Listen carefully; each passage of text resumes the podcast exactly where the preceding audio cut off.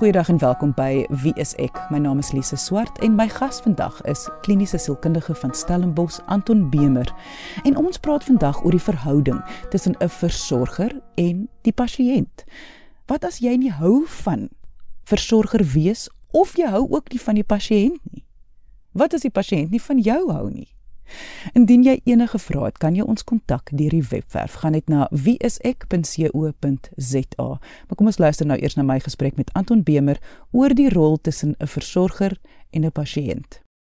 Anton, die punt van vandag is dat mens aanvaar sommer wanneer versorgers mense nou versorg dat hulle hou somme van die mense of dat dit vir hulle gaan maklik wees om met die persoon oor die weg te kom en ek dink daai is sommer 'n mite wat mense aanhoudend moet aanspreek want dit is nie altyd so nie versorgers hou nie net sommer van iemand om net omdat hulle besig is om dood te gaan of om hulle siek is nie Ja, ek dink die ander woord wat ons baie vir versorgers gebruik is carers. Weet iemand word 'n carer omdat jy versorg of omdat jy baie meer ondersteuning moet gee vir iemand. En ek, ek dink ons moet 'n boek skryf oor tipe mites as dit kom by hierdie goed lesse want mense maak baie maklik aannames en verskillende aannames. Uh onder andere dan dat as jy nou 'n familielid is, dan gaan jy nou baie maklik in hierdie skoene staan om te help ondersteun en te care vir iemand um naby aan jou 'n ouer, 'n oom of 'n tante of iemand anderste. En ek dink die die probleem is dat daar is natuurlik nie net verhoudinge wat uit die lug uitval nie. Dit is verhoudinge wat oor 'n tyd en oor baie jare en soms baie dekades opgebou het. En natuurlik is daar baie spanninge in die verhoudinge. Veral as dit nog kom ons sê tussen 'n met 'n skoondogter is of iemand wat dalk agtergelaat word in Suid-Afrika en al die broers en susters sit in Australië en Engeland en Kanada en jy is die enigste een hier en nou is dit nou maar jou lot om te kyk na ouma of na pa of na wie ook al. En die idee dat dit nou maklik en glad gaan verloop terwyl almal oor see wil insette lewer dink ek is 'n baie netelige puntjie vir baie mense. Deels omdat jy dan nie regtig 'n keuse het en jy moet dit nou doen. Jy word geforseer in hierdie posisie in. Maar ek dink ook tweedens dat die persoon wat nou versorg wil word se gunsteling sit dalk nou in Kanada en jy kry op die idee hulle weet dit. So hulle voel ook nou nie so genee dat jy nou die die losloetjie gewen het om nou om te sien na hulle fisiese versorging of na hulle ehm um, finansiële ondersteuning nie. En en is ek verkeerd as ek dink dat sekere mense is natuurlike versorgers, 'n sekere soort mense, tipe mens en ander is natuurlik nou weer nie. Ek dink as ons kyk na versorgers of carers, moet ons kyk na verskillende kategorieë en dit sluit dan baie aan by wat jy sê. Dit beteken dit beteken dat sekere mense dit as 'n beroep kies omdat hulle baie gemaklik is om ander mense fisies na om te sien en dit letterlik om mense te was, om mense badkamer toe te vat, um, om vir mense kos te gee en hulle word dan professionele verpleegsters of versorgers, manlik en vroulik natuurlik daar's ook familielede wat baie maklik instaan en te sê nee ons wil nou kom oorslaap vanaand. Ons wil kyk dat dat pa nie uh in die nag rondloop nie. En dit is net amper tweede natuur waar vir ander mense is dit baie ongemaklik. En en hulle skram baie weg daarvan en wil baie graag of 'n professionele persoon inkry om dit te doen of hulle verdwyn net skielik poef daar's hulle weg en die familie raak dan kwaad vir hulle omdat hulle nie daai bystand wil gee nie. So dit is definitief iets wat te doen het met wie jy is om te kan omsien na ander, te kan omgee, nie net op emosionele vlak nie, maar letterlik hands-on dit te kan doen. Daar is iets soos versorgers uitbranding en en dit gebeur met die beste versorgers, die mees natuurlike versorgers. So voor ons nou verder gaan met my vraag, wil ek net kan jy gou-gou net verduidelik wat is hierdie uitbranding spesifiek?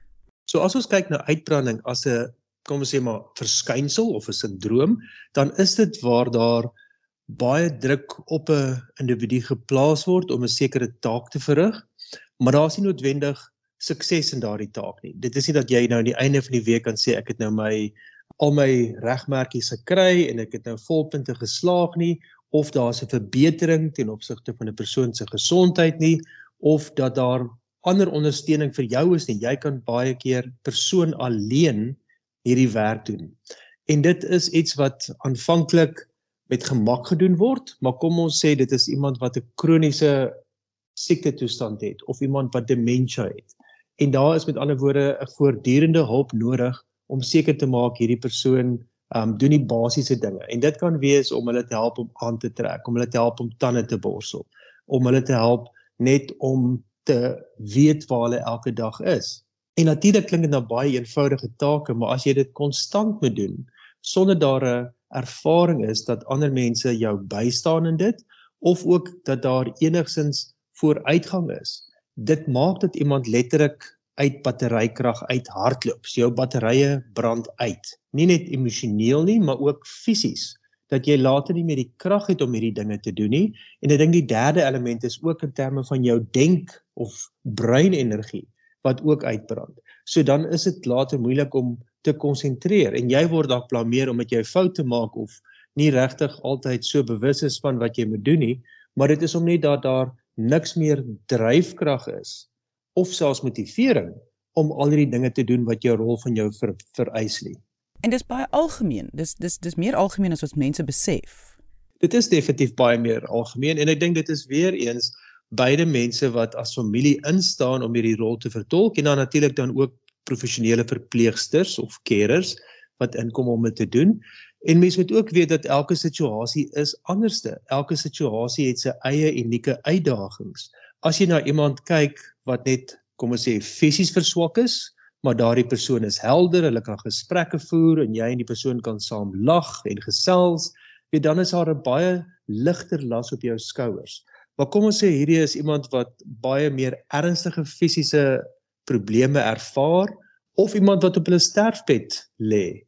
En weet hierdie persoon kan deur hulle eie angs gaan of hulle eie familie is nie daar nie en jy is die een wat deeltyd vir hierdie persoon gerusstelling moet gee. Dit is natuurlik op 'n emosionele vlak baie meer uitdagend en ook fisies om hierdie persoon kom ons sê om te rol in die bed of hulle op te trek as hulle van die bed af gly of of enige so iets. So daar's daar's baie meer 'n konstante ehm um, fisiese inset wat jy moet lewer. En dan die derde kategorie wat ek hier wil bybring, as ons kyk na mense met demensie.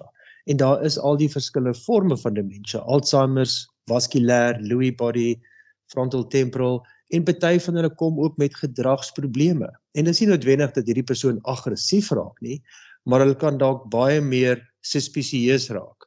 Hulle kan baie meer uh verneig raak met wat hulle sê as wat hulle voorheen was. En jy as kerer moet dan hierdie tipe gedrag kan hanteer en dit nie persoonlik vat nie.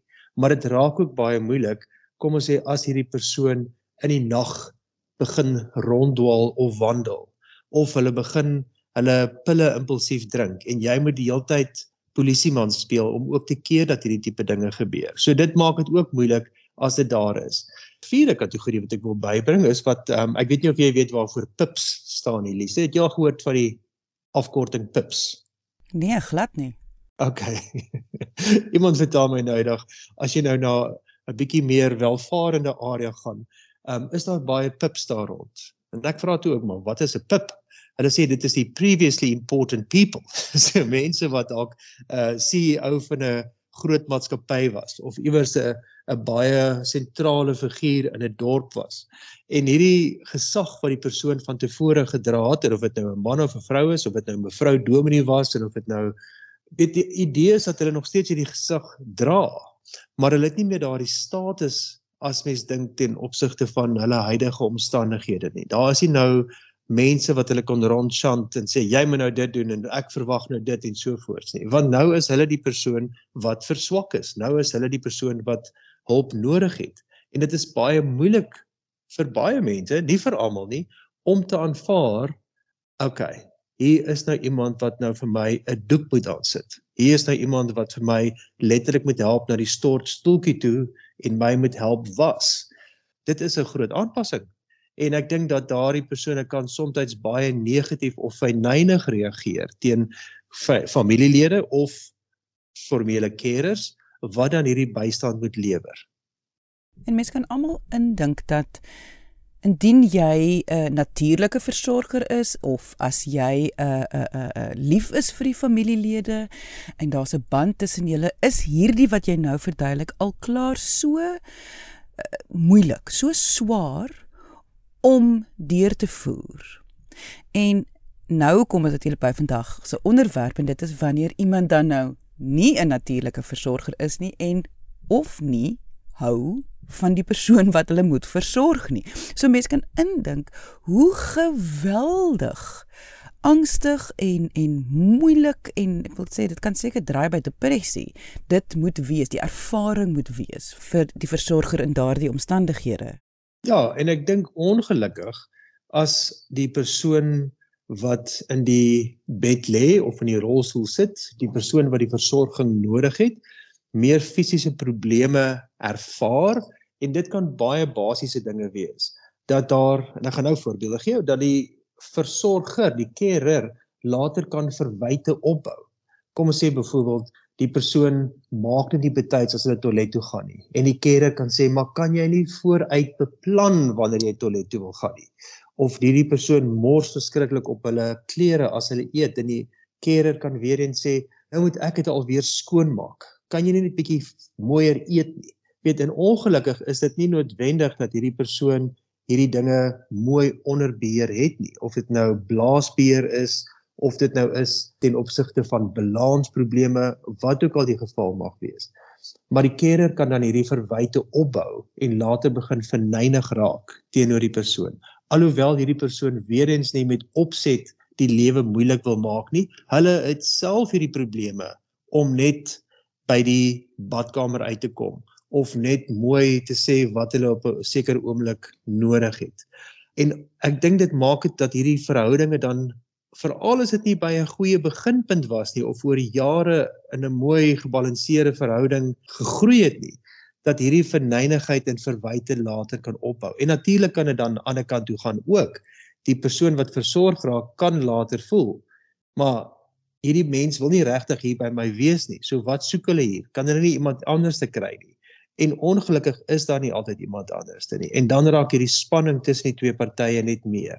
Um en kan op konflik uitloop of dat die een persoon die ander persoon ignoreer. En ek dink dit is ook 'n baie moeilike situasie as die carer hulle rug begin draai op die persoon wat hulle versorging nodig het. Met ander woorde dat hulle meer afwesig raak emosioneel of nie meer soveel aandag aan daardie persoon gee nie. Ehm um, want dit raak dan basies 'n vorm van neglect daardie afwesigheid. En dit veroorsaak dat daar 'n verhoogde risiko is van beserings of dat hierdie persoon kan val of 'n blaasinfeksie kan ontwikkel en enige ander risikofaktore word natuurlik dan meer. Jy luister na Wie is ek? My naam is Lise Swart en my gas vandag is kliniese sielkundige van Stellenbosch Anton Bemer. En ons praat vandag oor die versorger en die pasiënt. En as die verhouding nie 'n liefdevolle, sterk ondersteunende rol is nie. Indien jy enige vrae het, kan jy ons kontak deur die webwerf gaan net na www.wieisek.co.za of na Wie is ek se Facebookblad onder Wie is ek SA. Want dan sou jy sê indien die versorger kan, indien dit moontlik is om maar liewerste dan iemand anders in te kry om oor te neem of om die persoon liewerste dan na 'n instansie toe te vat. Want dit voel vir my soos jy nou gesê het dat dit verhoog nie net die risiko vir die pasiënt nie maar ek dink 'n versorger mag ook seker maar die keuse maak erns hierdie is nie vir my nie en dit is nie goed vir my nie in 'n ideale wêreld natuurlik Lisa sal dit die, die ideaal wees om daardie keuse te kan maak. Maar ek dink wat ons sien en ek dink veral in ons land en baie ander lande ook as daar nie die finansiële vermoëns is van 'n fam familie om iemand dan um te verskuif na 'n plek waar daar meer 'n verskeidenheid van versorgers is die of dit nou 'n siekeboeg is ensovoorts dan is dit nie altyd moontlik om daardie skuif te maak nie of hulle kan nie 'n professionele carer bekostig nie. Ek dink die belangrikheid is ook dat die familie moet kyk as dit iemand is wat hulle aangestel is of dit 'n broer of suster is wat nou kyk na 'n pa of na ouma of na wie ook al hoe hulle hierdie persoon kan ondersteun. En ek dink dit is moeilik vir families wat oorsee sit of ver weg is, weet, in 'n ander provinsie sit as hulle nie weet wat gebeur nie. En ongelukkig wil hulle dalk baie keer dan die carer ook bel om te presies te weet wat gebeur nou vandag. Is oupa? Okay? Het ouma enigsins iets gesê vandag wat ook al vir hulle bekommerd maak. En dit is dinge wat baie druk op 'n carer sit. Ek dink dit is belangrik om ook te kyk na tegnologie wat kan gebruik word om daardie inligting op 'n goeie manier te versprei. Kom ons sê dat daar 'n familiegroep gestig word op WhatsApp en die carer post elke uur, hulle het nou hierdie en hierdie gedoen of 'n foto te stuur van van oupa wat buite in die tuin sit. Um hooplik nie op sy eie nie, maar saam met die carer. Um of enigiets anderste wat die familie net meer gerusstelling kan gee en goeie inligting kan gee dat dinge onder beheer is en dat hierdie carer hy um of sy doen wat hulle moet doen daar.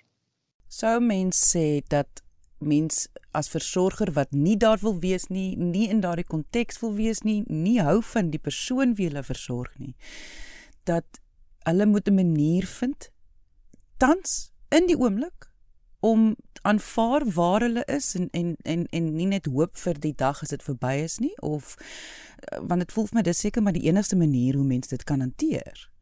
Ek dink binne enige familie neem almal verskillende rolle in. En en een familielid kan dalk sê weet uh, ons kan finansiëel meer ondersteun. Ons sal die carer betaal, ons sal 'n hospitaalbed koop, uh, ons sal 'n rolstoel huur uh, om die lewe vir ma makliker te maak. Ander mense sal weer sê nee, ons sal gereeld ingaan en ons sal kos maak. Ehm um, ons ons is ook op die noodnommer as daar 'n probleem is dat ons ingaan. Uh, en ander mense kan dalk weer net sê, weet jy, hulle nee, ons ons kan nie. Nee, ehm um, dis dis net te veel.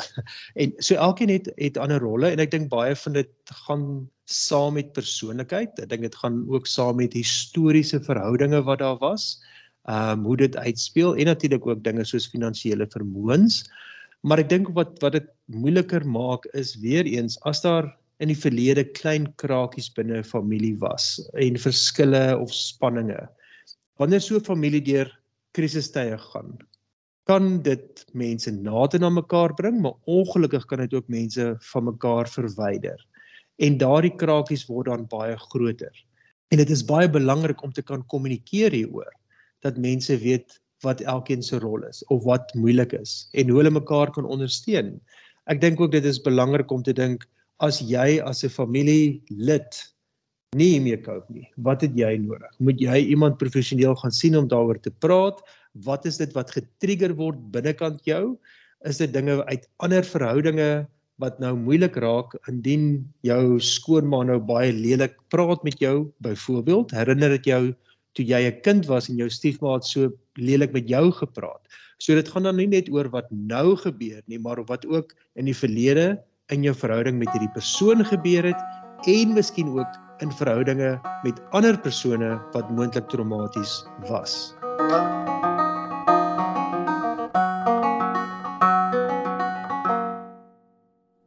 En vind jy aan tot dat ehm um, veral familielede of of uh, sibbe sal onder hierdie omstandighede dan in plaas van om na hulle self te kyk en hulle self te versorg, eerstens begin hulle blameer en hulle raak kwaad vir mekaar en hulle beklei die hele ding as argumente.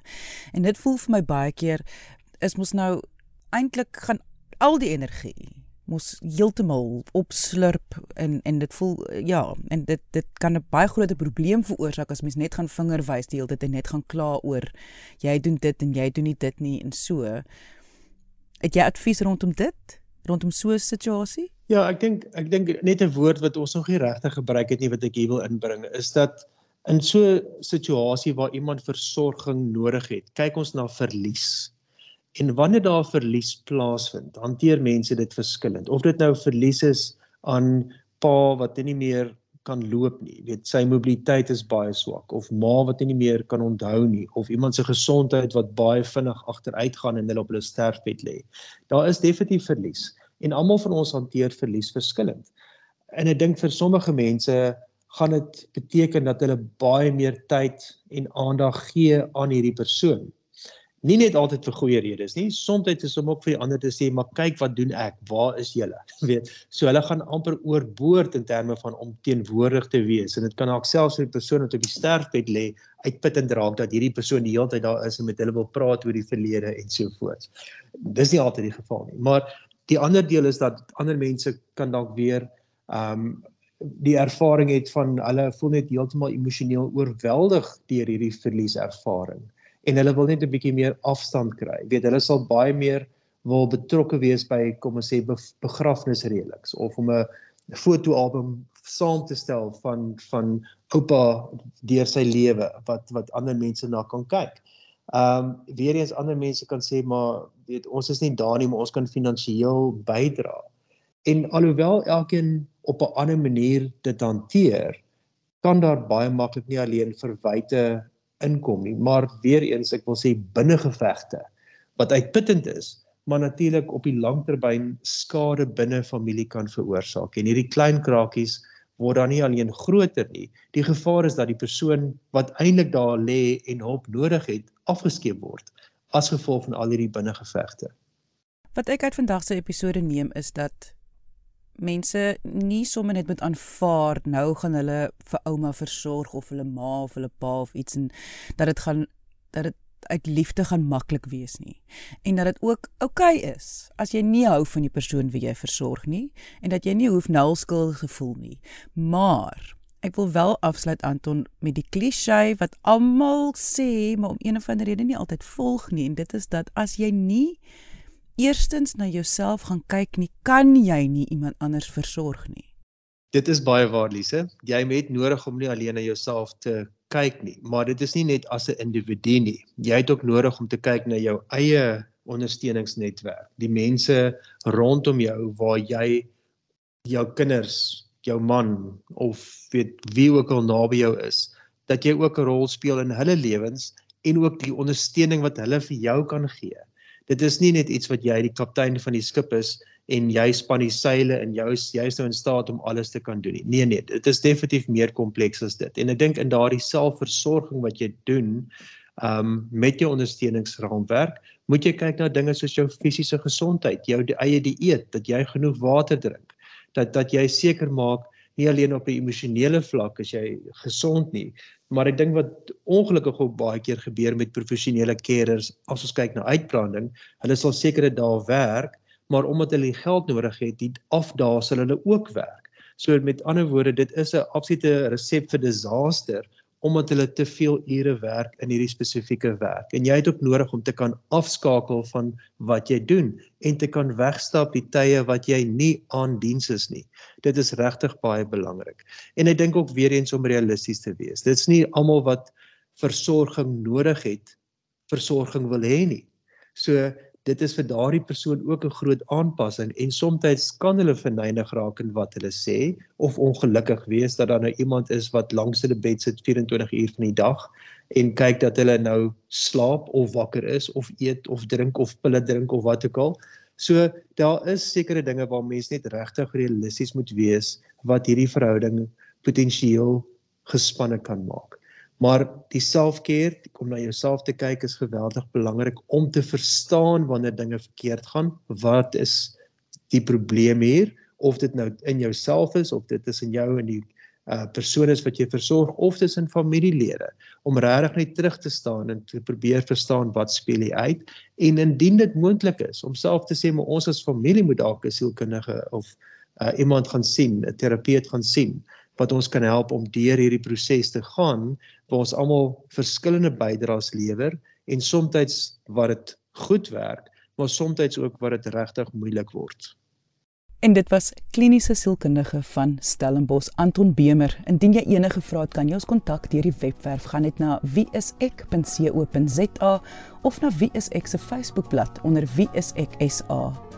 Op hierdie einste Facebookblad is daar verskeie video-gesprekke wat ek het met medies professionele mense oor sielkundige toestande, diagnoses, menslike gedrag, ouerskap, versorgers, demensie, noem die onderwerp en dis 10-10 daar. So gaan kyk gerus na wie is ek se Facebookblad onder wie is ek SA. Dankie dat jy vandag ingeskakel het. Ons maak weer so. Volgende Vrydag 12:30 net hier. RSG. Jy moet 'n heerlike naweek hê en onthou, kyk mooi na jouself.